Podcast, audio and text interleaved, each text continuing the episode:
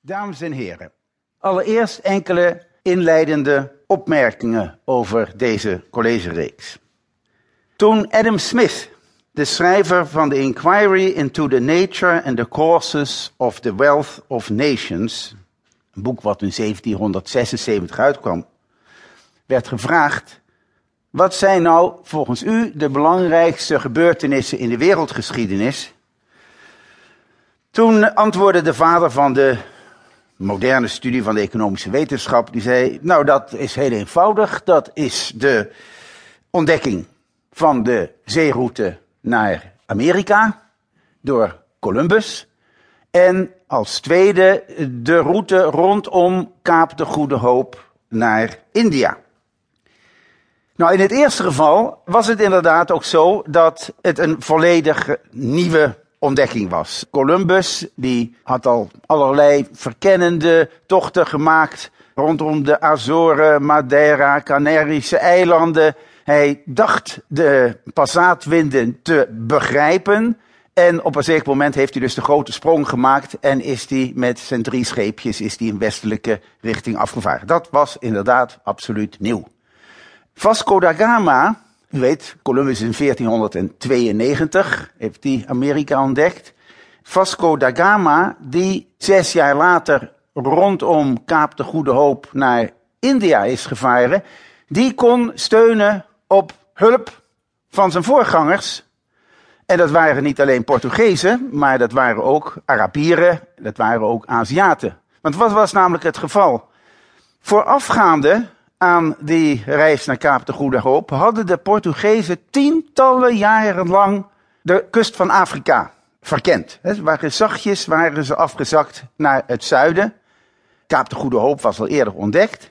Wat doet Vasco da Gama? Hij vaart er omheen en vaart een eindje langs de oostkust van Afrika weer naar boven. En daar komt hij een Arabische loods tegen.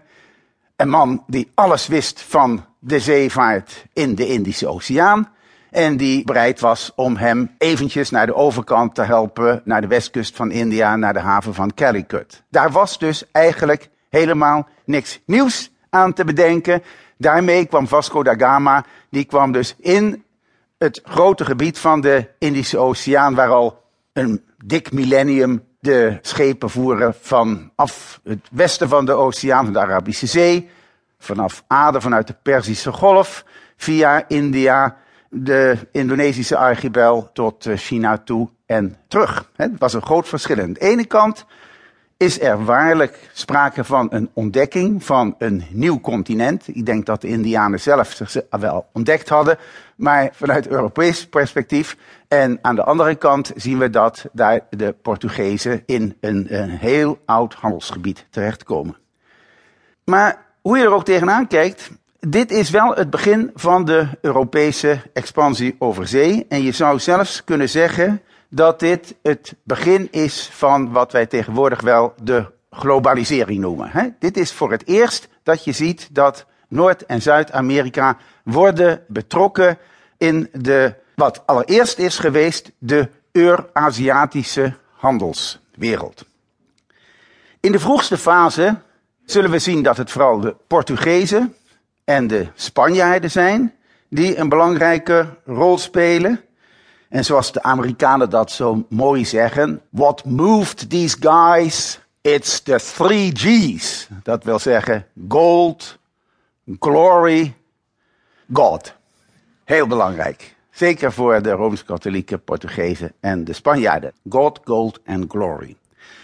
En die Portugezen en die Spanjaarden die worden dan in de 17e en 18e eeuw in Azië, althans worden ze dan opgevolgd door de Engelse en de Nederlanders, in mindere mate de Fransen en de Denen met hun Oost-Indische compagnieën.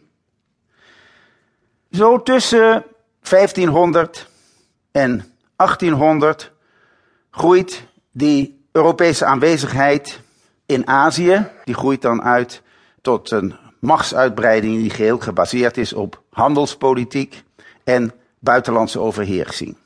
En dat alles zal dan na 1800 en de laatste twee eeuwen uitmonden in kolonialisme en imperialisme. Kort gezegd,